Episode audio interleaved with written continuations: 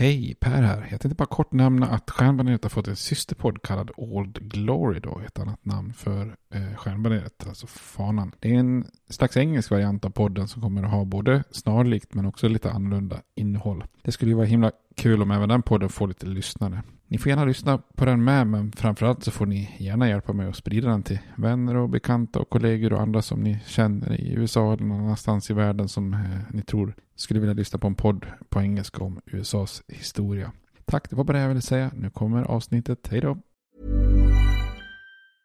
Mother's Day is around the corner. Find the perfect gift for the mom in your life with a stunning piece of jewelry from Blue Nile. From timeless pearls to dazzling gemstones, Blue Nile has something she'll adore. Need it fast? Most items can ship overnight. Plus, enjoy guaranteed free shipping and returns. Don't miss our special Mother's Day deals. Save big on the season's most beautiful trends. For a limited time, get up to 50% off by going to BlueNile.com. That's BlueNile.com. Everyone knows therapy is great for solving problems, but getting therapy has its own problems too, like finding the right therapist, fitting into their schedule, and of course, the cost. Well, BetterHelp can solve those problems. It's totally online and built around your schedule. It's surprisingly affordable too. Connect with a credentialed therapist by phone, video, or online chat, all from the comfort of your home. Visit betterhelp.com to learn more and save 10% on your first month. That's BetterHelp, H E L P. Millions of people have lost weight with personalized plans from Noom, like Evan, who can't stand salads and still lost 50 pounds. Salads, generally, for most people, are the easy button, right? For me, that wasn't an option. I never really was a salad guy. That's just not who I am. But Noom worked for me. Get your personalized plan today at Noom.com. Real Noom user compensated to provide their story. In four weeks, the typical Noom user can expect to lose one to two pounds per week. Individual results may vary.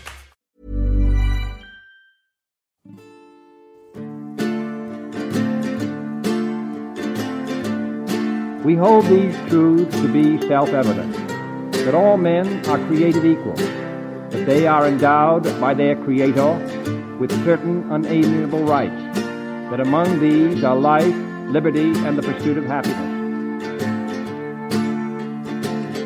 Now we are engaged in a great civil war, testing that government of the people, by the people, for the people, shall not perish from the earth.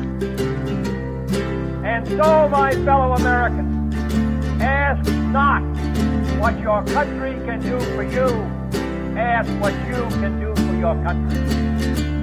I have a dream. My four little children will one day live in a nation where they will not be judged by the color of their skin, but by the content of their character. Mr. Gorbachev, tear down this wall. I did not have sexual relations with that woman, Miss Lewinsky. Hej och välkomna till Stjärnpaneret, en podcast om USAs historia med mig Per Fjärdingby. Eh, det jag tänkte jag skulle bryta av lite grann från eh, den eh, pågående serien om medborgarrättskampen. Och istället köra lite grann om de politiska partiernas historia. En liten eh, sommarserie eller en liten fördjupningsserie som jag tänkte kunna släppa så här över sommaren. Se om jag kanske släpper eh, flera eller alla avsnitt i en klump kanske. Eller någonting sånt där.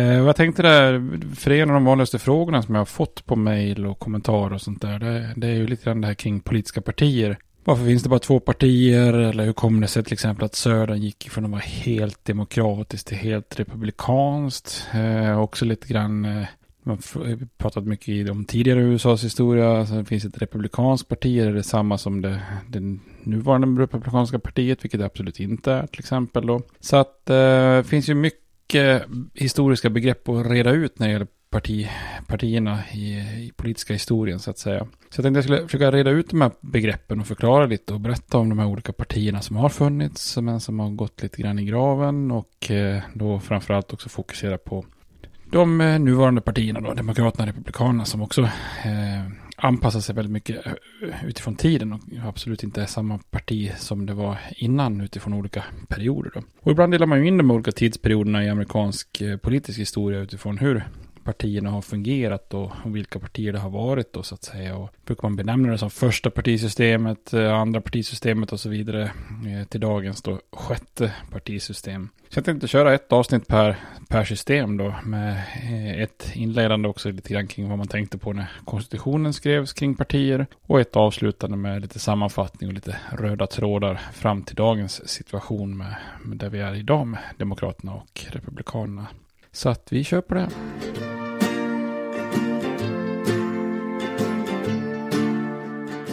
Idag är ju partier en, en självklar och ska man säga, naturlig del av det amerikanska politiska systemet. Då. Eh, och faktum är att USA också har det äldsta kontinuerliga partisystemet i världen. Eh, demokraterna anses vara världens äldsta fortfarande aktiva liksom, politiska parti. Och Republikanerna eh, räknas som världens tredje äldsta. Och båda de här partierna var ju eh, etablerade till exempel innan vi i Sverige ens hade avskaffat ståndsriksdagen. Och det är ju lätt att dra slutsatsen att det är två partier i USA eh, som alltid funnits och alltid stått för samma sak. Men där kan man ju säga att ingenting kan vara längre från sanningen än där då. Eh, för det första så har det ju funnits andra partier än Demokraterna och Republikanerna från början. Och de har också haft många utmanare i form av tredje partier som också har påverkat den politiska processen på många sätt. Och de här två partierna har också förändrats väldigt mycket över tid då, rent ideologiskt och vilka som röstar på dem och vilka intressen man tar tillvara och var i landet regionalt man har varit stark eller inte då så att säga, stad och landsbygd och liknande. Eh, så en häpnadsväckande aspekt är ju den här kontinuiteten. Eh, en annan är ju eh, att trots den här långa kontinuiteten så ekar det också väldigt tomt om hur partier ska fungera om man kikar tillbaka i det amerikanska systemet. Och USA är i grunden eh, vid sin skapelse ett system som är byggt för att man faktiskt inte alls ska ha politiska partier. Snarare tvärtom, man såg det som en väldigt stor fara ifall partier uppstod och gjorde snarare sitt bästa för att hindra att partierna uppstod. Då. Så jag tänkte därför vi tar vår, vår liksom utgångspunkt då kring det här med partier då. Eh, och tittar man på den tidiga amerikanska historien då, alltså redan det koloniala arvet då, eh, så redan under eh, den koloniala perioden så fanns ju en hel del partiliknande grupper då, speciellt i de mellersta kolonierna Pennsylvania och, och, och New York då. Eh, I Pennsylvania så fanns det en ständig kamp mellan de som var lojala till kolonins ägare i form av familjen Penn då eh, och en opposition ledd av bland annat Benjamin Franklin som ville göra Pennsylvania till en kronkoloni då. Det finns också mycket etniska grupper i Pennsylvania då, med, med skottar och tyskar och eh, då, eh, engelsk, engelska kolonister som också skapar en viss dynamik där. Då. Och samma sak är det ju i New York då. Där fanns också massa grupper som, som oftast var förknippade med de starka ledande familjerna i kolonin då. Men som också hade en inslag av en splittring som uppstod redan under 1600-talet under det kallas Leislers uppror då. Och, och arvet hos vissa Familjen var ju starkt, hade ju också starka band till de här nederländska ättlingarna eftersom New York var en, en, en holländsk koloni då. Så att eh, det är ju kolonier som har liksom någon form av maktkamp av några partiliknande grupper redan tidigt. Och, och detsamma gäller ju Massachusetts då, framförallt Boston och några av de större städerna som Salem så har man ju då eh, starka grupper som står för handelsintresset medan man då har en opposition ute på landsbygden. Och i Virginia så finns det ju ett antal stora släkter och en viss regional uppdelning mellan var plantagerna ligger så att säga. Då. Och på den här tiden så kallar man oftast då, alltså allt som liknar någon form av partiliknande grupper eller liksom koalitioner så kallar man det oftast för fraktioner var det ordet man använde. Eh, och det var ju någonting man inte tyckte egentligen hörde hemma i politiken. Man ansåg att fraktioner av olika slag skapar en onödig splittring och eh, eskalerar problem så att det försvårar möjligheten att arbeta för folkets bästa. Då. Så att det här koloniala arvet var ju ett eh, arv då med lite negativ klang när man såg hur det hade varit en maktkamp mellan olika grupper. Då.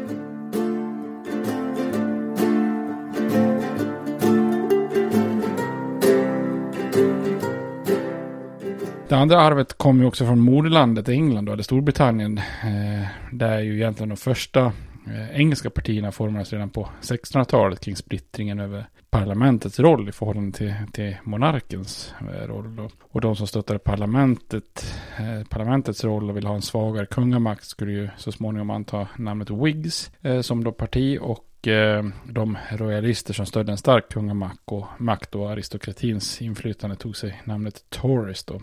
När kolonierna bryter sig loss från Storbritannien och förklarar sig självständiga så använder man de här greppen, begreppen och det som idag brukar kallas för patrioter. Eh, de som var för amerikansk självständighet kallas för Whigs och de som var lojalister eller ville vara kvar i brittiska imperiet kallas ju för Tories. Så att här ärver man ju ner det här Whigs och Tories begreppet då. Men kolonisterna i eh, de nordamerikanska kolonierna hade också lärt sig många läxor kring hur farligt det kunde vara med partier genom att följa då utvecklingen i, i moderlandet Storbritannien då. Eh, för där har man ju ja, inte nog med att man då utkämpar ett inbördeskrig på 1600-talet då. Eh, så många ansåg ju att det politiska spelet då med olika koalitioner och liksom regeringschefer som ska ha stöttning av eh, kungen då eh, är en viktig faktor i liksom den bristande förståelsen för kolonierna och det som leder fram till koloniens frigörelse under amerikanska revolutionen. Så att man har ju liksom då ett arv där man tycker att fraktioner eller partier är någonting som inte alls eh, är önskvärt. Så när man då skapar USA och frigör sig för att skapa sin egen nation så tar man ju med sig det här arvet. Eh, att ideal, idealet är att partiet liksom är partier är av ondo. Och det politiska systemet vill man då utforma på ett sätt så att de klokaste och bästa männen i samhället skulle hamna i institutioner för att kunna debattera och bestämma och verkställa allmänhetens bästa då. Inte parti, partipolitiska grupper då. Begrepp som man utgår från är då frihet, dygd och sen då det allmännas bästa då. Eh, det som kallas för liberty, virtue and the common good. Eh, med frihet menar man ju att de som ska vara engagerade i politiken måste ha viss egendom eller på något något som gör att man inte så lätt kan påverkas. Då har man den här friheten, är man en dygdig och vis man så, så, så kan man också höja sig och se till det allmännas bästa. Och då kommer man att fatta bra politiska beslut. Däremot om man är en fattig, jordlös person eh, och blir politiker så kan man som person lätt bli då korrupt, tänker man, genom att låta sig mutas. Då. Och det här gör ju till exempel att man, när man skapar USA, så gör man en republik, eh, inte en demokrati. Man vill inte att alla ska ha inflytande eller kunna bli valda då så att säga. Utan det är bara de självägande bönderna som, som är eh, självständiga och har frihet då. Och med dygd menar man ju att det viktigaste för politiken är att man ska vara en rättskaffens man. Att man har bra omdöme, har bra karaktär och har möjlighet att se olika perspektiv. Då. Och med det sista begreppet common good så menar man att politiken skulle vara till för samhället i stort.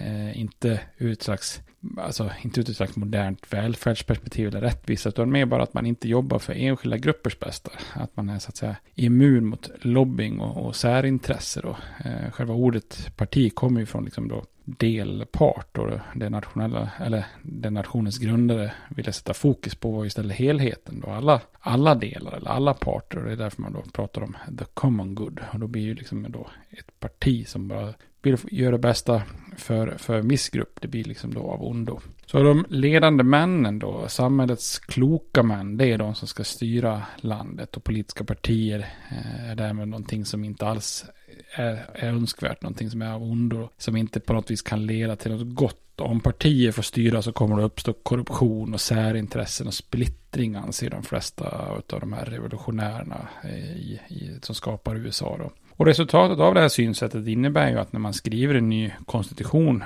för USA då 1787, den som man fortfarande då lever utifrån då, så anstränger sig då de här så kallade founding fathers för att försöka hindra partier så, så mycket det bara går då. Eh, så många av revolutionärerna och, och grundlagsfäderna menar att människor har då en naturlig tendens att se till sig själva egoistiskt och att det leder till korruption och därför måste hela systemet byggas upp för att förhindra just detta då. Så partier nämner man inte alls i konstitutionen med, med alltså uppsåt, med vilja. Utan hela systemet byggs istället upp för att fungera utan partier. Då. Och tanken med just maktdelningen och, och som kallas checks and balances då. Att, man, att de olika institutionerna har viss påverkan på varandra och, och kan, kan kontrollera varandra. Det är ju någonting som, eh, som då ska hindra olika grupper eller partier från att, att dominera då. Eh, och folk och delstater representeras av sina främsta män och statsmän som ser till hela staten. Att det är inte de populäraste männen som ska styra utan det är de, det är de lämpligaste männen som ska styra då.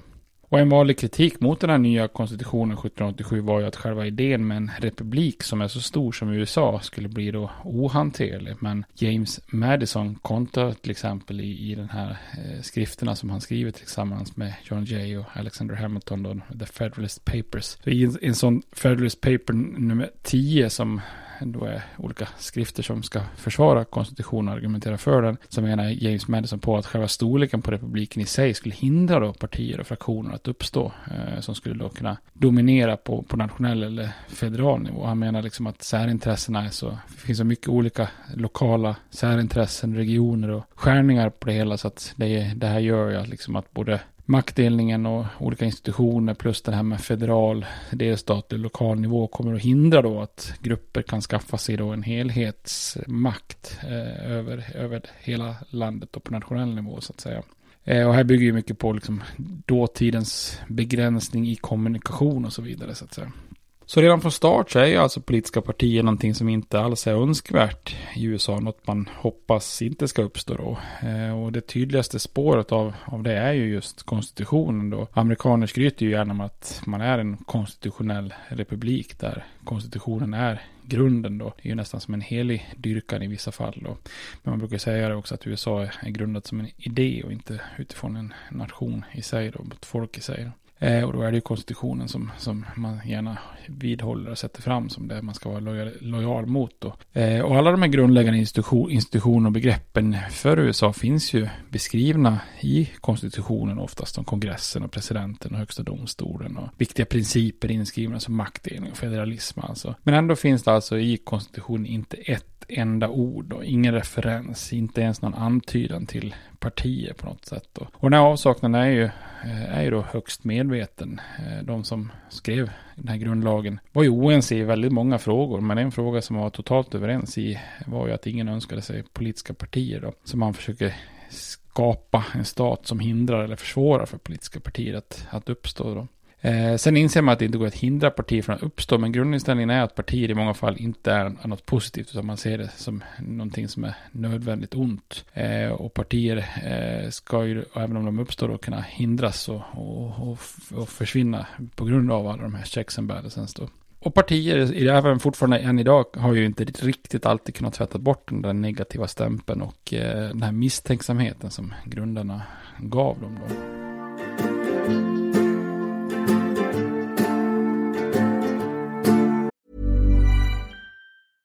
Everyone knows therapy is great for solving problems, but getting therapy has its own problems too, like finding the right therapist, fitting into their schedule, and of course, the cost. Well, BetterHelp can solve those problems.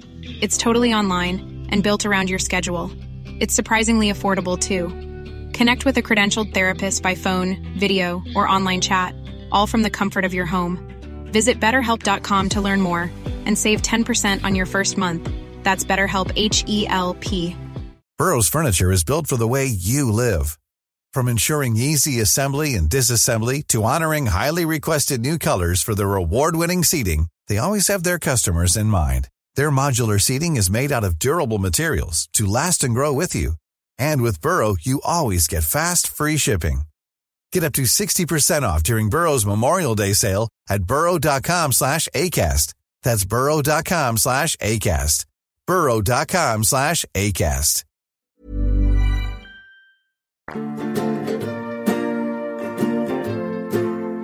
Så tittar man då på arvet än idag från det här resonemanget så är det ju faktum det att synen att partier är något nödvändigt ont. Det är ju något som på, på många sätt faktiskt lever kvar än idag då. När man säger just det uttrycket party politics så har man ju har det ju vanligtvis en slags negativ eller nedsättande ton när man pratar om partipolitik som något negativt som leder till strider och korruption, dödläge, oflexibilitet och så vidare. Och det är fortfarande lite fint att försöka resa sig över bittra partistrider som när Obama eller Biden försöker hitta vägar och bringa samman kongressens ledamöter eller att hitta så kallade bipartisan solutions så anser det vara något fint då. Eh, och det kan vara styrka att hävda att man liksom kan trotsa sitt eget parti till exempel som John McCain eh, ofta gjorde då att han vidhåller att han kan fatta självständiga visa beslut. Han behöver inte liksom följa en partipiska då. Och många både väljare och politiker lyfter gärna fram att de är oberoende eller inte en del av något av de stora partierna.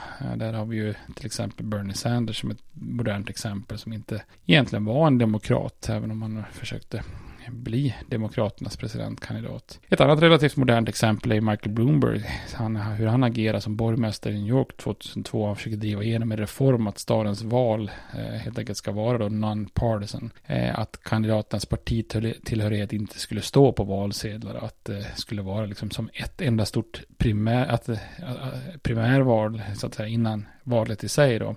Och han motiverade hela med ord som hade kunnat fungerat då för, för 100 eller till och med 200 år sedan tidigare. Då. Han, han menar att partiernas primärval gav politiska bossar och en liten skara väljare makt och att väljarna ska kunna fokusera på kandidaten och inte partiet kandidaten representerar så att säga. Eh, sen hade ju Bloomberg praktiska orsaker till att driva igenom förändrade val eftersom han efter att ha övergett Demokraterna då blivit vald som republikan men väljarna i New York generellt var demokrater och ett val utan partibeteckning skulle ju naturligtvis öka chansen att bli omvald för honom då. Så man kan ju se förslaget som ohedligt men eh, oavsett om man ser det som lite lömskt ohederligt så slår det ju an en ton och en tradition i, i resonemanget som, som både han och många före honom då har, har haft när det gäller partier då.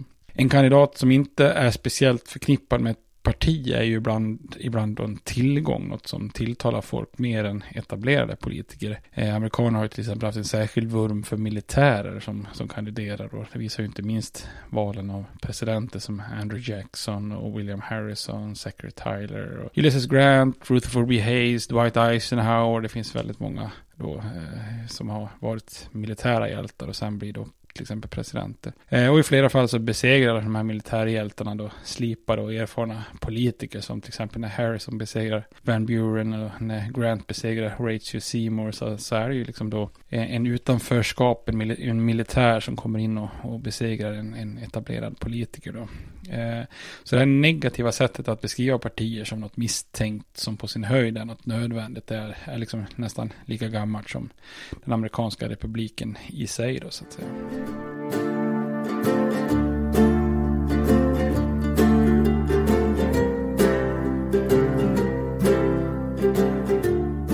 Så det är ett väldigt negativt arv som det amerikanska partisystemet är uppbyggt på. Eh, börjar liksom som ett slags vackert ideal då. Och eh, med fast i hand kan man ju fundera på om nationens grundare var lite lätt naiva. Alltså det hade ju funnits partiliknande grupper i de flesta kolonier innan revolutionen och, och, revolutionen i sig skapade ju snabbt olika falanger. Och först skiljelinjen med de som ville skiljas från Storbritannien, eh, lojalister och de som önskade en revolution och självständighet i form av radikaler eller patrioter. Och, eh, och även under revolutionen så uppstod ju grupper då som inte kunde komma överens om hur radikal eller hur konservativ som revolutionen skulle vara. Då. Framförallt uppstod det också en skiljelinje sen mellan vart man ska dra gränsen mellan den nationella makten och de enskilda delstaternas eh, suveränitet. Då. Och till och med under ratificeringsdebatterna som avgör om konstitutionen ska ratificeras och trädas i kraft eller inte så uppstår det ju två grupper som, som verkligen då är en försmak till det första partisystemet då skiljelinjen mellan federalister, alltså de som vill ha den nya konstitutionen och antifederalister, de som inte vill ha den eller vill förändra förslaget. Eh, så ironiskt nog så finns det ju en försmak på vad som komma skall och väldigt många av de här antifederalisterna hamnar i exempelvis, exempelvis i det politiska parti som blir en opposition mot George Washington då. Eh, och inkluderar ju framtida presidenter som Thomas Jefferson och James Monroe som inte var så förtjusta i, i hur konstitutionen hade utformats överhuvudtaget då så att säga. Eh, så en slags partipolitisk ideologisk skillnad fanns ju redan under revolutionen, men systemet är uppbyggt på idealet att partierna inte ska finnas. Eh, fördelen är ju att man inte kan backa tillbaka till konstitutionen för att förstå hur partisystemet fungerar, eh, vilket man ju gör i många andra fall. Då. Men till de här grundlagsfädernas stora förtret så uppstår ju partier ganska snabbt och konstitutionen hinner knappt träda i kraft med Washington som, som första president. Eh, redan i slutet av hans första presidentperiod uppstår det en splittring i, i Washingtons administration då. Så partier kommer ju relativt snabbt då. Eh, så man kan ju fundera, hade de här grundlagsfäderna eller de här revolutionärerna fel i sin övertygelse? Var de liksom naiva då? Och där kan man väl säga lite både, både ja och nej. De hade ju definitivt fel i att själva systemet med maktdelning, checks and balances, checks and balances och federalism på olika nivåer, att allt, ja, det här komplicerade systemet skulle hindra partier att uppstå. Eh, det är ju nästan tvärtom då. Partier visar sig nästan nödvändiga för att kunna samordna och koordinera politiken mellan de här olika funktionerna och nivåerna i det politiska systemet. Så kort och gott när det gäller den biten så var de ju naiva och egentligen helt ute och, och, och cyklade då kan man säga. Tittar man på vad James Madison säger så hade han ju också fel i att landets olika delar och intressen var så olika att det aldrig skulle kunna uppstå regionala partier då. Han tänker sig att frågor går så kors och tvärs liksom över olika intressen så att det inte kan, kan uppstå då. Men det är just när nationella partier eh, bryter samman eh, efter att de har uppstått då och att partisystemet blir just lite mindre och regionalt. Det är ju då landet faktiskt splittras till exempel då i, i ett in, inbördeskrig. Så att eh, när, när ett parti så att säga står i nordstaterna och ett parti i sydstaterna så går det inte att hålla ihop systemet längre. Så att där hade ju nationella partier snarare svetsat samman systemet. Så det här är väl ytterligare lite grann att man får bocka av som ett litet feltänk i grundlagsvärdena. Då. Man kan ju också säga att de underskattade behovet av att ha partier i opposition också. En opposition som liksom kan kontrollera och begränsa den grupp som har makten. Där hade ju partier verkligen kunnat fungera som ytterligare då en slags check and balance i systemet. Då. Eh, man hade ju rätt så att säga grundlagsvärdena i att makt kan korrumpera, men man tänkte kanske inte på att just partier kan ha en funktion för att motverka Eh, samma korruption då. Så här får man väl ge dem eh, delvis rätt och delvis fel kan man säga. De hade ju emellertid rätt i att om det saknas något gemensamt nationellt intresse som liksom alla står bakom för det allmännas bästa så, är, så blir systemet lite hotat. Eh, kan man inte komma överens över partigränser för landets bästa när det gäller till exempel utrikespolitik eller till exempel budget som ja, ju på senare tid har lett till sådana här federala nedstängningar och så vidare så blir det ju förödande och ett skadligt dödläge. Så här får man ju ändå ge dem rätt i att man, det är viktigt för politiken att, att man också kan kunna förhandla och resa sig över då eh, systemet och hitta så kallade bipartisan solutions. Så att det är väl lite ett blandat facit där det överväger på att man faktiskt tänkte lite fel när man skapar systemet. Men eh, det finns alltså ett negativt arv kring politiska partier. Eh, och det var ingenting man tänkte sig skulle finnas i det amerikanska systemet från, från första början. Men som vi sa då, de första partierna uppstår ju ganska snabbt. Eh, och därmed kommer vi prata om det första partisystemet. Men det tar vi i nästa avsnitt. Hej då! States like these and their terrorist allies constitute an axis of evil. And if the hippies and the yippies and the disruptors of the systems that Washington and Lincoln as presidents brought forth in this country will shut up and work within our free system of government, I will lower my voice. If the impeachment provision in the Constitution of the United States will not reach the offenses charged here, then perhaps that 18th century Constitution should be abandoned to a 20th century paper shredder. Therefore, I shall resign the presidency effective at noon tomorrow.